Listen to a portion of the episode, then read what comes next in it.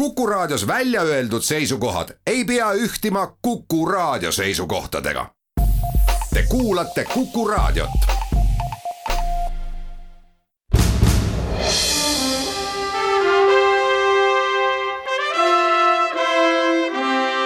vahetund Postimehega tere, hea Kuku raadio kuulaja, te kuulate saadet Vahetund Postimehega, mina olen Postimehe väitlustoimetaja Herman Kilomees.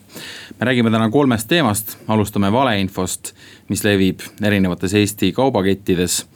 kaks kauplust, Rimi ja Coop on äh, ühe trükise, mis sisaldab kõikvõimalikku kahtlast koroonainfot eemaldanud. teised on jätkanud selle müümist. me räägime teises ja kolmandas plokis Prantsusmaast, Prantsusmaa poliitikast, Emmanuel Macronist. valitsuse ja peaministri vahetumisest ja sellest, mida see kõik võib tähendada Eestile. Ja viimaseks räägime me lobitööst, lobiregistrist sellest, et Eestis sellist asja veel ei eksisteeri ning kas selle loomisel võiks olla erinevad kasud. aga alustame valeinfost, vandenõuteooriatest, libauudistest. eile hommikul oli kõigis suuremates kauplusekettides müügil trükis, mis sisaldab infot, mis on nii Eesti kui ka välismaa ajakirjanduses ümber lükatud. ja toon lühidalt välja selle, mis seal kirjas on mõnede tsitaatide kujul näiteks andmeid, mis õigustavad Ameerika sulgemist ja ameeriklaste lukustamist ei eksisteeri. näiteks ilma, et esimenegi koroonalaine Eestis teaduslikku tõestust leidnud oleks, kuulutatakse välja juba teist lainet, nii-öelda tsunamit sügisel viroloogia on pseudoteadus, aitab sellest meeletust desinfitseerimishullusest, maskide kandmisest on rohkem kasu kui kahju.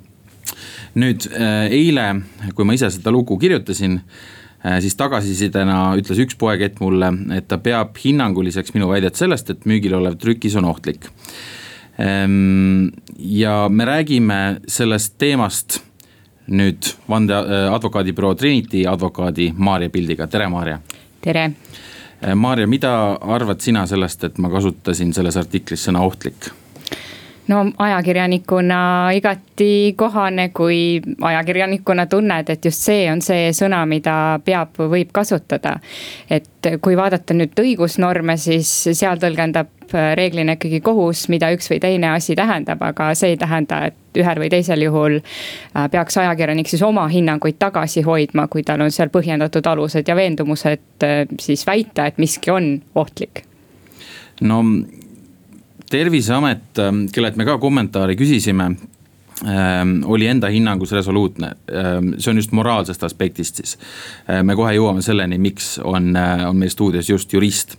Nemad ütlevad, on eriti kurb, et artiklis toodud ettevõtted ei adu absoluutselt oma tegevuse mõju ning leiavad, et ebateaduse levimine on õigustatud. samas ei lubaks needsamad ettevõtted usalduse kaotamise hirmus müügile kahtlast päritolu toitu.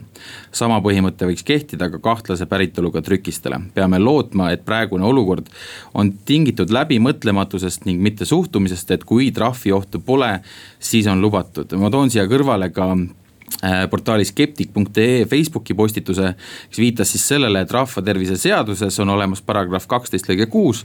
mis ütleb nii, avalik eraõiguslik juriidiline isik ning füüsiline isik ei tohi levitada inimese tervist ja elukeskkonda.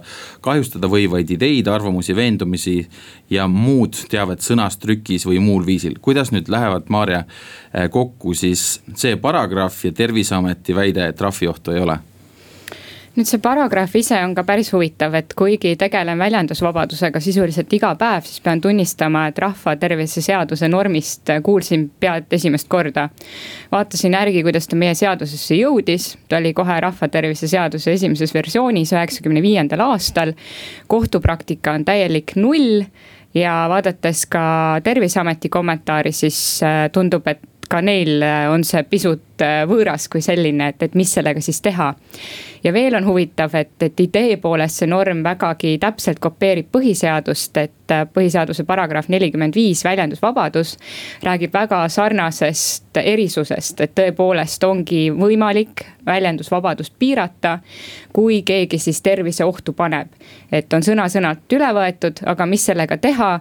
eks nüüd tuleks hakata tõlgendama, kas ja millises olukorras seda saab kasutada ja kas olukorras, millest me täna hakkame rääkima, on see rakendatav see tähendab, et mingit kindlust selle osas, et kas äh, see juhtum kuidagi liigitub selle normi rikkumiseks või selle mitterikkumiseks, meil praegult ei ole? absoluutselt, kohe väga kindlalt võib nii öelda, et ühtegi kohtupraktikat äh, ei leidnud, ei ole.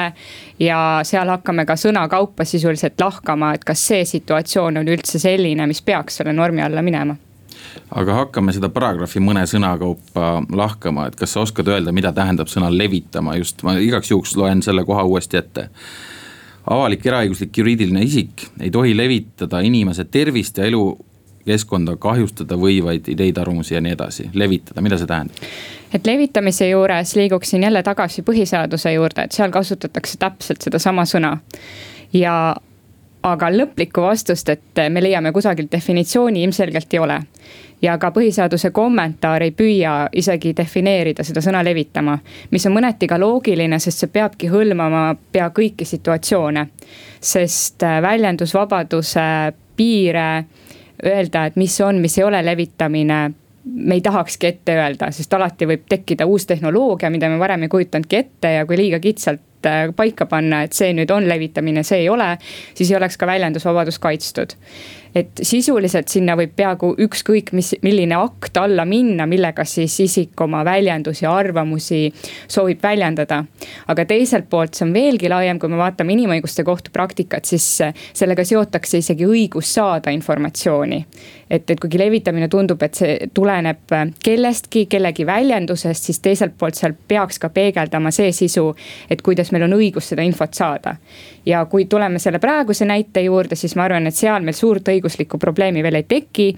olukorras, kus meil on kasvõi raamatukogus mingisugused raamatud, siis äh, ma ei välista, et me võimegi vabalt rääkida levitamisest, et nad aitavad neid siis äh, lõpuks tarbijani tuua, äh, vahendada kas sa oskad öelda, kas võiks olla mingit erisust erinevate osapoolte vastutuse vahel, ma katsun need üles loetleda, noh esiteks on need poed kes ilmselt ähm, on need, kellel on kõige rohkem võimalik ära teha konkreetselt selle osas, et äh, kui paljudeni see asi jõuab, on ähm, siis lehe.OÜ, kes on see, kes varustab tegelikult kõiki poode nende lehevitriinidega Äh, on noh, teoreetiliselt on siin ka trükikoda, eks ju.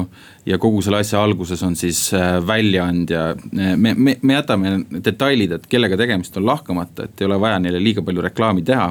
aga kas keegi nendest osapooltest võiks olla rohkem või vähem vastutav? Ja ma arvan, et nüüd me jõuamegi selle tuumani, sest mille on meie, meieni eelkõige toonud just ka internetimaailm, kus peaksid kehtima samad reeglid.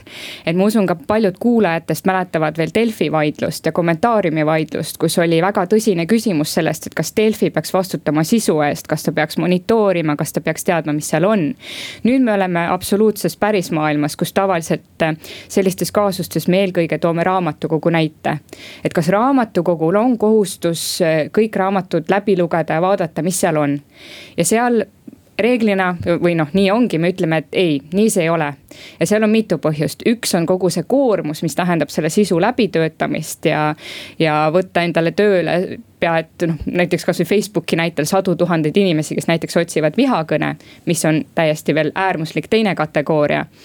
ja teine pool on see, et kas me üldse tahame, et mingisugune eraõiguslik isik kohtu asemel hakkaks hindama, mis on väljendusvabanduse mõttes okei okay või mis mitte. et ühelt poolt tulebki küsida neid küsimusi ajakirjandusena, kui tekib kahtlus ja kõhklus ja tundub, et see ei ole ühiskonnas eetiline ja okei okay,. aga teiselt poolt me ei tahaks ka panna eriti eraõiguslikule institutsioonile kohustust otsustada, kas midagi tohe, tohib öelda või mitte. sest lõpuks neil on ju ka ärihuvid ja nende huvides on, et nad ei saaks trahvi, et neid ei mõistetaks hukka. samas see tõenäoliselt tähendab, et enda kaitsmiseks kustutatakse ära või ei lubata mingisugust sisu, mis tegelikult peaks demokraatlikus ühiskonnas olemas olema ja levima mm. -hmm. no viimaseks ma küsiks sult ähm, veel ühe terviseameti kommentaaris äh, sisaldunud väit-, väite kohta. Nad siis äh, moraalse lubatavuse mõttes võrdsustavad ohtliku toidukauba, võib-olla siia võib panna ka näiteks MMS-i ja ohtliku kirjanduse, noh õiguslikult nad ei ütle midagi, kas sina oskad õiguslikult midagi öelda selle võrdluse kohta? ma usun, et, et see on väga ohtlik võrdlus ja kui me räägime toidust näiteks, et kas piim on halvaks läinud või mingisuguste õunade peal on plekid, siis tõenäoliselt on olemas kas teaduslik tõestus või mingisugune Euroopa Liidu regulatsioon, mis ütleb, et mitu plekki võib õuna peal olla. et nii Rimil kui mis tahes muul kauplusel, Selverid, Prismad, kõik, mis me, kes meil siin on neil on suhteliselt lihtne hinnata, et üks või teine kaup siis on riknenud või mitte, sest on ette nähtud teatud nõuded. kui me jõuame aga väljendusvabaduse sisuni, siis see on äärmiselt keeruline. see on ka probleem, et kuigi Euroopa Liit omalt poolt väga tugevalt survestab, et igasugused Facebookid ja muud platvormid oleksid valmis leidma sisu, mis, mis ongi räige ja mis teinekord solvab, siis kui me räägime lapspornograafiast, me räägime vihakõnest, konkreetsetest rassistlikest väljenditest või, või mingisugusest roppusest, tegemist, siis seda suudab veel filter enam-vähem üles leida mingisugune robot. aga kohe, kui tuleb veel eriti mingisugust väidet hinnata, kas see on tõene või mitte, meeletult keeruline. Aitäh, vahetanud Postimehega esimese veerandi külaline oli Maarja Pild, advokaat advokaadibüroost Trinity, me läheme teises veerandis edasi Prantsusmaa teemaga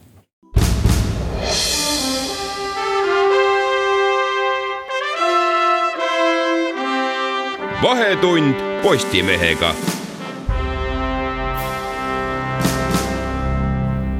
jätkub Vahetund Postimehega, stuudios on Herman Kelomees ja sellest veerandist ka välistoimetusest Breti Sarapuu, tere Breti. tere.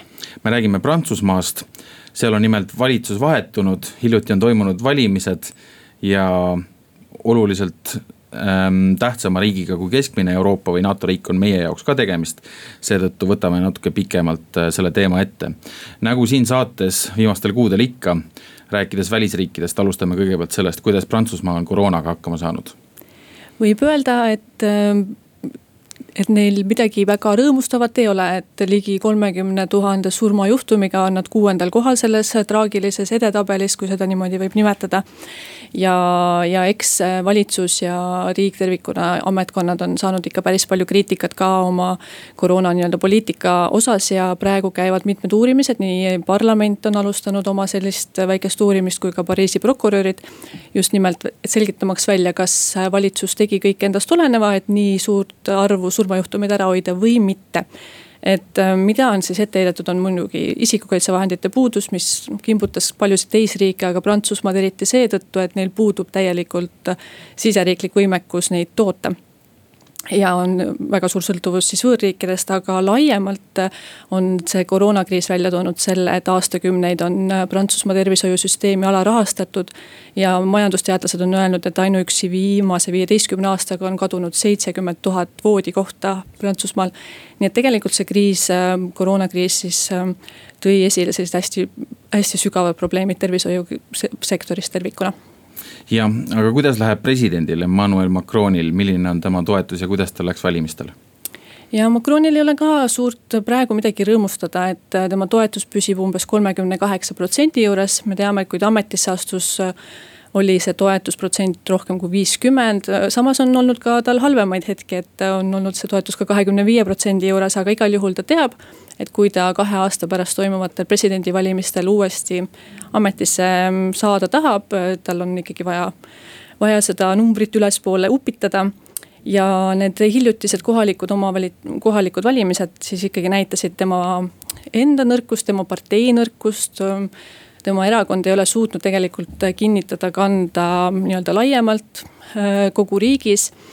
Ja, ja isegi Pariisis oli näha, et sellised siseparteilised heitlused nii-öelda võtsid neilt noh, igasugused võiduvõimalused ja, ja nii ongi, et tegelikult nendel kohalikel valimistel võidutsesid rohelised, võidutsesid ähm, roheliste, rohelisi toetanud sotsid. et ka näiteks Pariisis äh, jäda, jätkatakse siis sotsialistist äh, peamini- äh,, linnapea äh, nii-öelda võimu all, kes on tegelikult sisuliselt kuulutanud autodele sõja, et äh, on näha, et prantslastel on äh, selline praegu siis ikkagi toetus pigem nagu sellistele vasakpoolsetele teemadele, keskkonnale ja seda ei ole Macron suutnud nagu enda nii-öelda portfelli nagu tuua või, või vähemalt ei ole suutnud tõestada prantslastele, et et temagi suudab nendel teemadel niimoodi kaasa rääkida või, või neid enda südameasjaks võtta. ja muidugi eelmisest aastast me teame ju, et Macroni sellist populaarsust on kõigutanud kollavestide protestid, pensionireform. nii et neid teemasid on, mis on Macroni populaarsust nii-öelda röövinud ja, ja mille selle tagasivõitmiseks tuleb tal nüüd tegutseda no Macron on asunud ka erinevaid ähm, asju ette võtma selleks, et oma positsiooni parandada äh,. muuhulgas ka edendades rohkem rohelist poliitikat vastavalt siis nende roheliste valimisedule. me jõuame nüüd äh, enne pausi veel ühe küsimuse ära lahendada äh,. Macron vahetas peaministrit, et kas me saame lühidalt rääkida sellest, kes oli Eduard Philippe, see, kes ametist lahti sai ta oli üks Macroni, ühesõnaga terve kolm aastat siis Macroni kõrval olnud peaminister, lojaalne Macronile ja äärmiselt populaarne, et ähm, endine sada ühe sadamalinna linnapea, äh, sellele ametikohale ta nüüd ka naaseb. et äh, tegelikult ka prantslaste seas ta oli äärmiselt populaarne, et ei saa öelda, et tema väljavahetamise oleks tinginud see, et rahvas teda ei armastaks, pigem nüüd talle saigi hoopis saatuslikuks see, et Macron nägi teda enda konkurendina hakkasidki kõlama jutud, et äh, kahe aasta pärast äh, Philipp võib äh, kandideerida samuti presidendiks ja. ja nüüd sisuliselt võib seda nimetada selliseks pagendamiseks, et ähm, Philipp läheb tagasi oma väikese kodulinna linnapeaks ilmselt Macron loodab, et rahvas unustab, unustab selle mehe ja et temast sellist konkurenti siis kahe aasta pärast ei tule. ja kes on uus peaminister? Ja uus peaminister on ka väga huvitav ähm, selles mõttes, et peaaegu mitte keegi ei maailmas ega Prantsusmaal temast ei tea. tegemist on sellise väga truu riigiametnikuga, bürokraadiga, ta on olnud mitme ministri kabineti ülem, ekspresident Sarkozy nõunik aga, aga tegelikult on kahtlustused, et Macron pani ametisse sellise tagasihoidliku peaministri. et haarata ise nii-öelda kontroll siis valitsuse üle, et keegi ei oleks liiga ambitsioonikas, et keegi, ühesõnaga peaminister ei kujutaks siis ühtegi poliitilist ohtu endast ja annaks siis Macronile vaba voli äh, Prantsusmaad just enda soovitud suunas edasi viia jah, sellega seoses on ka Prantsusmaa meedias ja mujalgi kasutatud väljendeid nagu peaministri institu institutsiooni devalveerimine. Äh, või ka kõneldud sellest, et Macron ise on asunud peaministri toolile. aga me naaseme saatega Vahetund Postimees ja Prantsusmaa teemaga juba pärast pooltunni uudiseid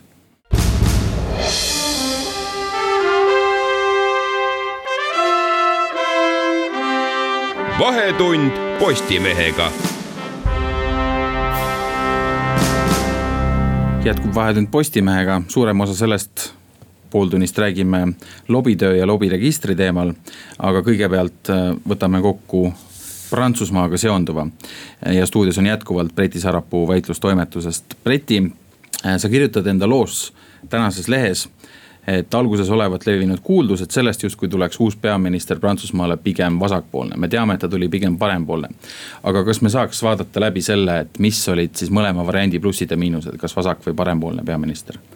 Jah, see on muidugi hinnangute küsimus, aga jah, eeldati, et tuleb vasakpoolne, sest esiteks rohelised ja sotsid tegid kohalikel valimistel tugeva hüppe, arvati, et Macron näeb selles vajadust ka siis ikkagi seda suunda rohkem võtta, lisaks arvati, et kui peaministri vahetamiseks juba läheb, et siis tuleb selline kardinaalne kannapööre, nüüd me teame, et mõlemad peaministrid, nii endine kui siis nüüd see värske, on üsna sarnase maailmavaatega. Äh, mis, mis veel pani selle vasakpoolse pöörde peale mõtlema, oli pigem jah see, et äh, prantslaste seas on ju just need kollavestide rahutused näitasid ka, et tahetakse ikkagi võitlust sotsiaalse ebavõrdsusega. noh, keskkonnateemade mm, olulisus on ka selgeks saanud, noh sellepärast eeldati, et, et ikkagi Macron võtab sellise Äh, vasakpoolsema pöörde, aga nüüd on selge, et ta tegelikult tahab ikkagi tõestada ka enne neid kahe aasta pärast toimuvaid presidendivalimisi. et ta on selgelt paremtsentristlik või isegi parempoolne president on, ähm, et ta ikkagi võtab sellise ärisõbraliku suuna ja, ja et ta ei kavatse tõsta makse. ja mis selle põhjuseks öeldi, on nüüd ikkagi, ta sai, talle sai selgeks, et ta võib küll äh, nii-öelda meelitada enda poole vasakpoolsete poliitikatega neid vasakpoolseid inimesi. aga tema kindlam valijabaas on ikkagi paremal ja seega ta läheb nüüd nagu sellise täie rauaga selles suunas, et kindlustada nende parempoolsete valijate toetus, et ta ei hakka tegema riske. ta võib-olla jah, just keskkonnateemad võtab natuke rohkem fookusesse, aga üldiselt ta jääb, jääb kindlalt paremale rindele ja tundub, et ta tunneb, et vasakpoolsete toetuse võitmine on läinud rong, aga Postimehe juhtkiri, mis on samuti Prantsusmaa teemal täna, kirjutab niimoodi. Pole võimatu, et Macron võib püüda minna veel kaugemale, kui ta suudab kasutada hetke ning kindlustada enese tagasivalimis, valimise kahe tuhande kahekümne teise aasta kevadel, on tal võimalus öelda. L'Europe, c'est moi Äh, palun vabandust kõigi ees, kes soravalt prantsuse keelt oskavad. mina oskan seda nii palju, et ma tean tõlkida, et see tähendab Euroopas olen mina, aga mida see sisuliselt tähendab? Eks me oleme nende kolme aasta jooksul juba, mil Macron on president, tegelikult näinud, et ta ihkab olla ikkagi Euroopa liider. Ameerika või USA meedias on tegelikult räägitud sellest, et ta isegi püüab olla kogu maailma nii-öelda see kõige esimene mees et äh, tõepoolest Euroopa tasandil me oleme ju näinud seda, et tegelikult Euroopa Komisjoni president on suuresti Ursula von der Leyen äh, Macroni tõttu äh, kes siis oli vastu kõikidele teistele kandidaatidele, ta on vetostanud Põhja-Makedoonia Euroopa Liiduga liitumiskõnelused.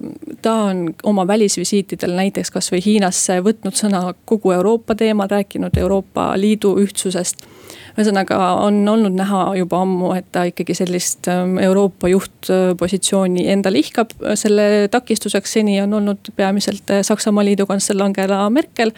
kes jääb ju veel ametisse ähm, rohkem kui aastaks, aga on tõepoolest variant, et ähm, kui Merkel järgmisel sügisel enam kantsler ei ole ja Saksamaa nii tugevat juhtpositsiooni Euroopas ei võta, kui tal praegu on ja Macron siis tõesti ka teiseks ametiajaks presidendiks äh, saab ja jääb et äh, siis võib see tõesti juhtuda nii, et äh, Macron, Macronist saabki siis nii-öelda see, kes võtab Euroopas juhtrolli enda, enda kanda ja, ja viimaseks lühidalt, miks see meile oluline on, et mida meie välis- ja julgeolekupoliitika ringkondades seda vaadeldes silma peaks pidama?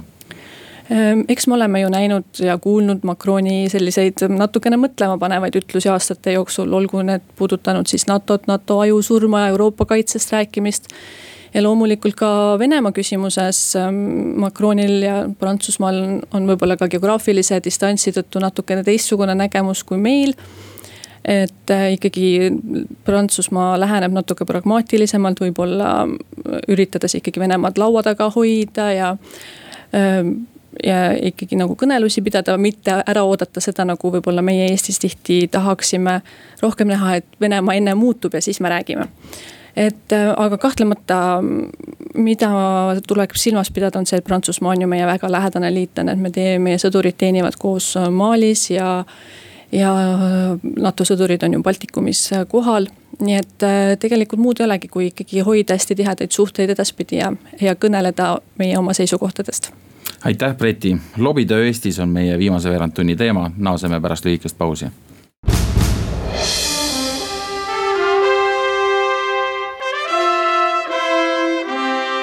vahetund Postimehega.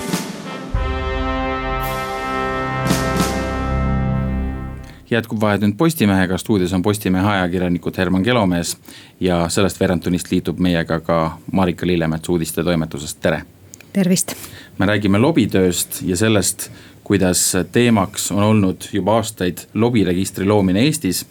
Eesti on üks nendest Euroopa riikidest, kus seda veel ei ole, äh, me oleme sellega vähemuses teiste riikide seas. ja me alustame sellest, et me lihtsalt kaardistame natukene teemat, et äh, Marika, ma proovin esitada sellise keskmise inimese karikatuurse nägemuse sellest, et mis asi on lobitöö, nii nagu, nii nagu mina seda tunnetan äh, see on midagi sellist, et lobist lepib kokku kohtumise poliitikuga, istub temaga laua taha, ütleb talle miks tema huvi on selline, mis on äh, eestseismist väärt. ja siis läheb minema. mida see mõiste endast tegelikult tähendab? Äh, lobitöö, lobism ja lobist on kõik mõisted, mis on Eesti seadustes tegelikult äh, korralikult kajastamata. nii et täna saabki igaüks ise joonistada omale pildi panna sinna allkirja ja öelda, et see on lobi. aga tegelikkuses on siis äh, minu arusaamist pidi lobi midagi sellist, kus esindatakse kedagi grupi või äh, ka üksikisiku ärihuve, mingisugust poliitilist suundumust.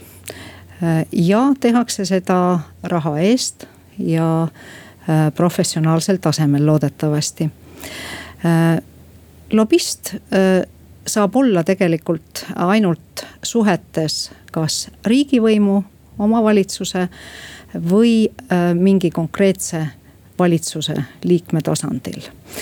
kui omavahel aetakse asju, siis mina seda lobi alla ei paneks, nii et teine pool peaks olema kuidagimoodi riiklikult determineeritud.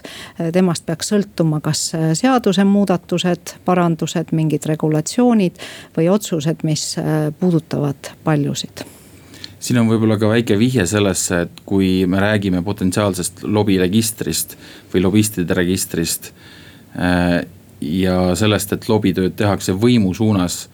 et siis on avalik võim see, kellel on võimekus pidada sellist registrit Äh, see ongi üks koht, mille puhul äh, näiteks äh, kommunikatsioonijuhtide liit ei ole väga kindel, et kas tänases Eestis on see register nagu asjakohane. sest nad küsivad otse, et aga kes sellesse peab kuuluma, kui me veel täpselt isegi ei tea, kes need lobistid siis on mõiste mõttes.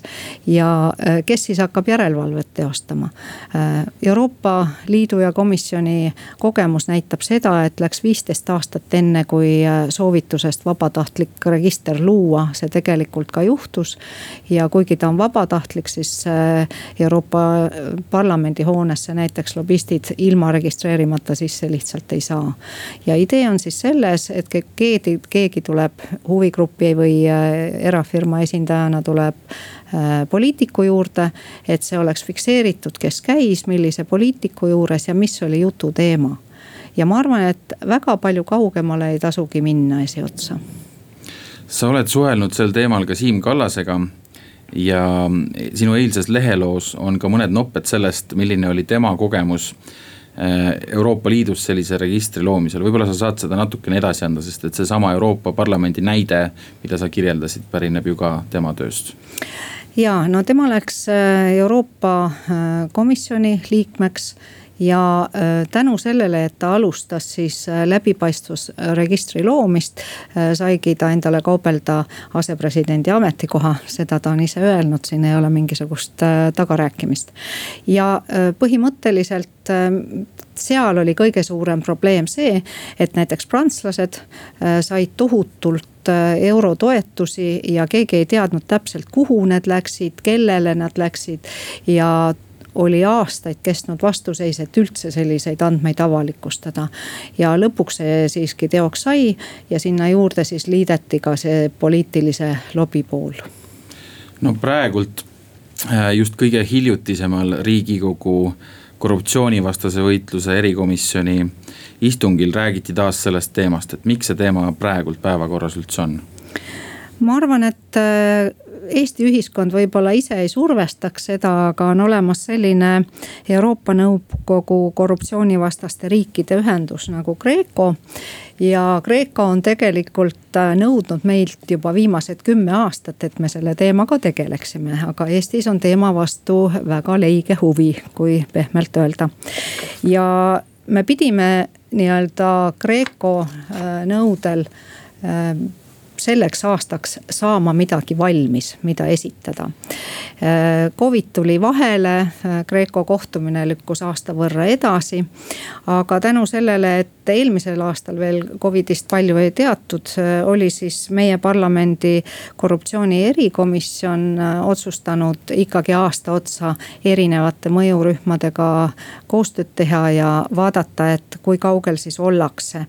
ja näiteks mina nõustun kindlasti Lavly Perlinguga, keda ka küsitleti, et sellist äh, ühiskondlikku diskussiooni on vaja.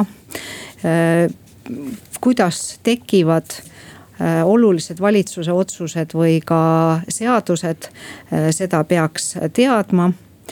rahandusministeerium võiks täpsustada seda, millised MTÜ-d saavad riigieelarvest toetust noh, kapol on kindlasti oma huvi äh, lobistide nimekirja vastu, mis annab äh, nii-öelda tagatrepi poliitika ja toimetamise kohta rohkem teada.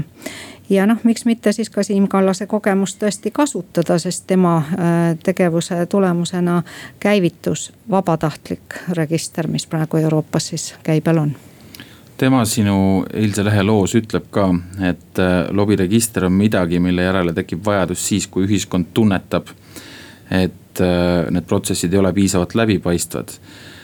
kas sellist nõudlust tegelikult on üldse piisavalt, kui me vaatame ainuüksi seda, kui palju seda teemat on käsitletud, täiesti ausalt öeldes ka Postimehes väga palju juttu tegelikult ei ole olnud. jah, mõni lugu on, ma ka äh, sirvisin pärast seda, kui ma oma looga olin maha saanud Äh, Anvar Samost on Põhjarannikus äh, kirjutanud sellest pikemalt ja Postimees Grupis mõnes ajakirjas, ajalehes veel. Äh, ma arvan, et mikspärast lobitööst Eestis väga palju ei räägita, on see, et meie väike korporatiivne vabandust, sõpruskondade keskne ühiskond on tegelikult ise huvitatud, et säiliksid need tagauksed. ja võib-olla mõnes kohas on see asjakohane, mul on seda raske hinnata. aga kindlasti äh, on see arengupiduriks näiteks äh, kohalikes omavalitsustes, kus äh, ühed mõju võimsad isikud või isikute grupid haaravad sisuliselt kogu otsustusprotsessi. Nende järgi tehakse teid, nende soovil ehitatakse maju, nende soovil pannakse firmasid kinni ja seadustatakse asjaolusid, nii et äh, ma arvan, et tegelikult meie taju lobide registri puudumise osas on väga nõrguke, aga vajadus on reaalselt olemas. me võime teema kokku võtta vist nii, et äh, Eesti on liiga väike selleks, et mitte omada lobiregistrit äh, noh, ütleme, kui ka alampuuritseda, siis võib ka nii öelda, ma eelkõige arvan, et siin ei tohi asjaga üle reguleerima minna. et see võib äh, üldse tagurpidi pöörata meie head kavatsused või nende inimeste head kavatsused, kes sellist registrit tahaksid luua. et äh, vabatahtlikkus võiks jääda täiesti reguleerimata on praegu advokaatide see osa tööst, kus nad oma Äh, kliendi ärihuve esindades tegelikult ka esindavad teda kui ütleme läbi lobismi prisma. see on vist ka selline keskne probleem, äh, mida Katri Raik ka Leedu puhul välja tõi, et äh, kliendi suhte taha on suhteliselt lihtne pugeda ja sealt tagant teada saada, et kas tegemist on ikkagi õiguskaitse või lobitööga, on päris keeruline. jah, et mul on oma konkreetne kogemus, aasta otsa sain ma olla äh, riigihaldusministri Janek Mägi nõunik. see oli just see aasta, kui äh, tegeldi tselluloositehase rajamise või mitterajamisega. ja kui äh, lobifirmade liiklus oli väga-väga tihe. Äh, kuigi pealtnäha käidi rääkimas lihtsalt ühest konkreetsest eriplaneeringust. ja teine asi, mille puhul võiks öelda, et, et Eesti on täiesti jätnud ühe olulise koha kahe silma vahele, on see, et kuidas siis kõrged riigiametnikud ja äh, näiteks ka parlamendiliikmed, kellel on oma tööst tulenevalt väga strateegilist informatsiooni oma järgmisel ametikohal tohivad või ei tohi toimetada. Äh, ka see tahab vastamist. hüva, me lubame, et me hoiame sellel teemal täiendavalt silma peal nii siin saates kui ka Postimehe veergudel sügisel alustab riigikogu taas selle küsimuse arutamist. saates Vahetund Postimehega rääkisime täna valeinfost Prantsusmaast ja lobitööst stuudios olid Postimehe ajakirjanikud Herman Kelomees, Marika Lillemets ja Breti Sarapuu ning vandeadvokaat Maarja Pild. vahetund Postimehega nagu ikka kolmapäeval kell üks